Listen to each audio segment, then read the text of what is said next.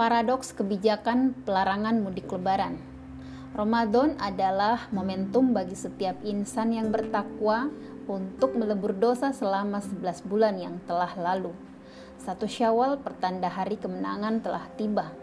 Berkumpul bersama sanak famili saat lebaran adalah dambaan hampir semua orang. Namun, pelarangan mudik masih berlaku.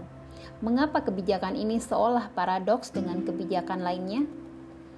Peniadaan mudik pada bulan Ramadan dan Hari Raya Idul Fitri tahun 1442 Hijriah selama tanggal 6 sampai 17 Mei 2021 tertuang dalam surat edaran Kepala Satgas Penanganan COVID-19 nomor 13 tahun 2021. Selama periode tersebut, masyarakat dilarang melakukan mobilisasi dengan moda transportasi apa pun. Hal ini ditetapkan untuk mencegah terjadinya lonjakan kasus COVID-19 di Indonesia jelang Hari Raya Idul Fitri. Epidemiolog dari Universitas Airlangga Surabaya, Windu Purnomo mengkritisi rencana pemerintah yang membuka tempat wisata selama libur lebaran meski disertai kampanye disiplin protokol kesehatan. Windu mengatakan bahwa seharusnya pemerintah tidak boleh mengeluarkan kebijakan paradoks seperti melarang mudik tetapi memperbolehkan destinasi wisata dibuka. Selanjutnya, beliau mengingatkan bahwa semua mobilitas manusia yang diikuti dengan interaksi sangat beresiko meningkatkan penularan. Meminta semua pihak wajib belajar dari kondisi negara lain yakni India yang sampai dengan awal Februari 2021 sudah terkendali namun, karena lengah, masyarakatnya euforia ditambah kebijakan pemerintah yang membolehkan kampanye pemilu sejak akhir Februari.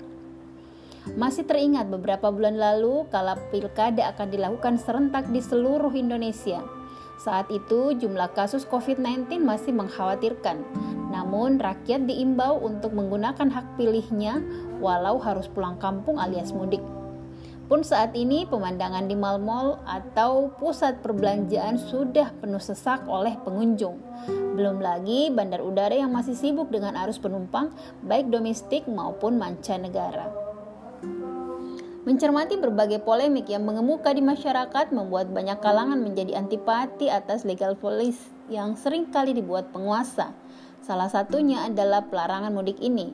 Pasalnya, kebijakan ini terkesan plan dan inkonsisten.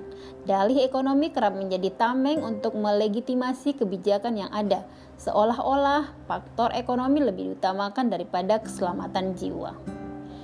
Jika ditelisik berbagai kebijakan yang ada, terkhusus selama pandemi, akan kita temui banyak kebijakan yang tak konsisten, baik terkait instrumen maupun implementasinya.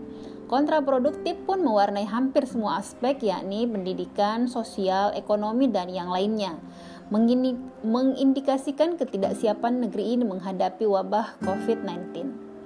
Penegakan hukum pun terkesan masih sangat lemah. Penguasa seolah tak empati dengan kondisi rakyat yang makin sulit dan terpuruk.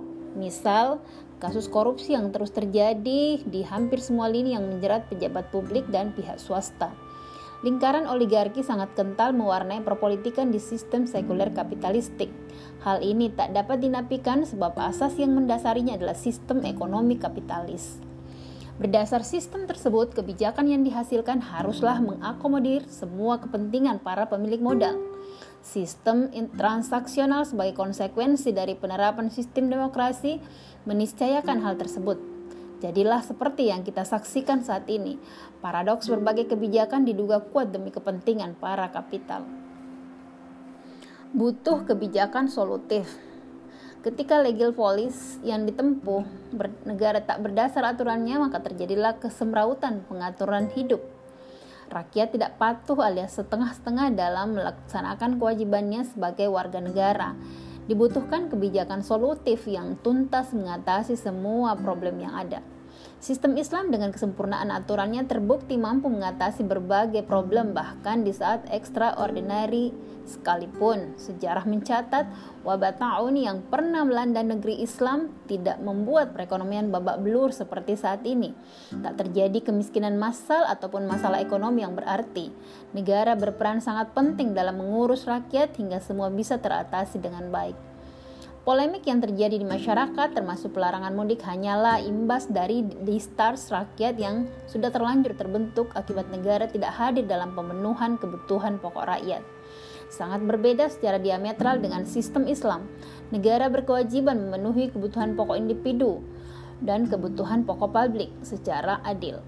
Penguasa dalam sistem Islam memahami konsekuensi dari amanah tersebut sehingga tidak didapati penguasa yang berbuat curang bahkan sebaliknya.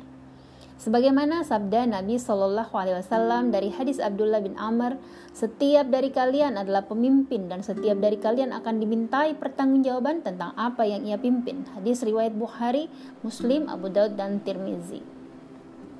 Walhasil dengan pengaturan sedemikian paripurna menjadikan rakyat hidup sejahtera dan berkah.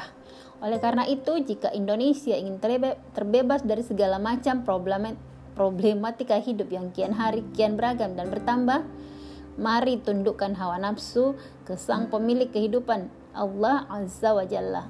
Momentum Ramadan seyogianya menjadi pelecut agar kita semua bisa mengendalikan diri menuju kemenangan hakiki. Allahu Akbar. والله أعلم بالصواب.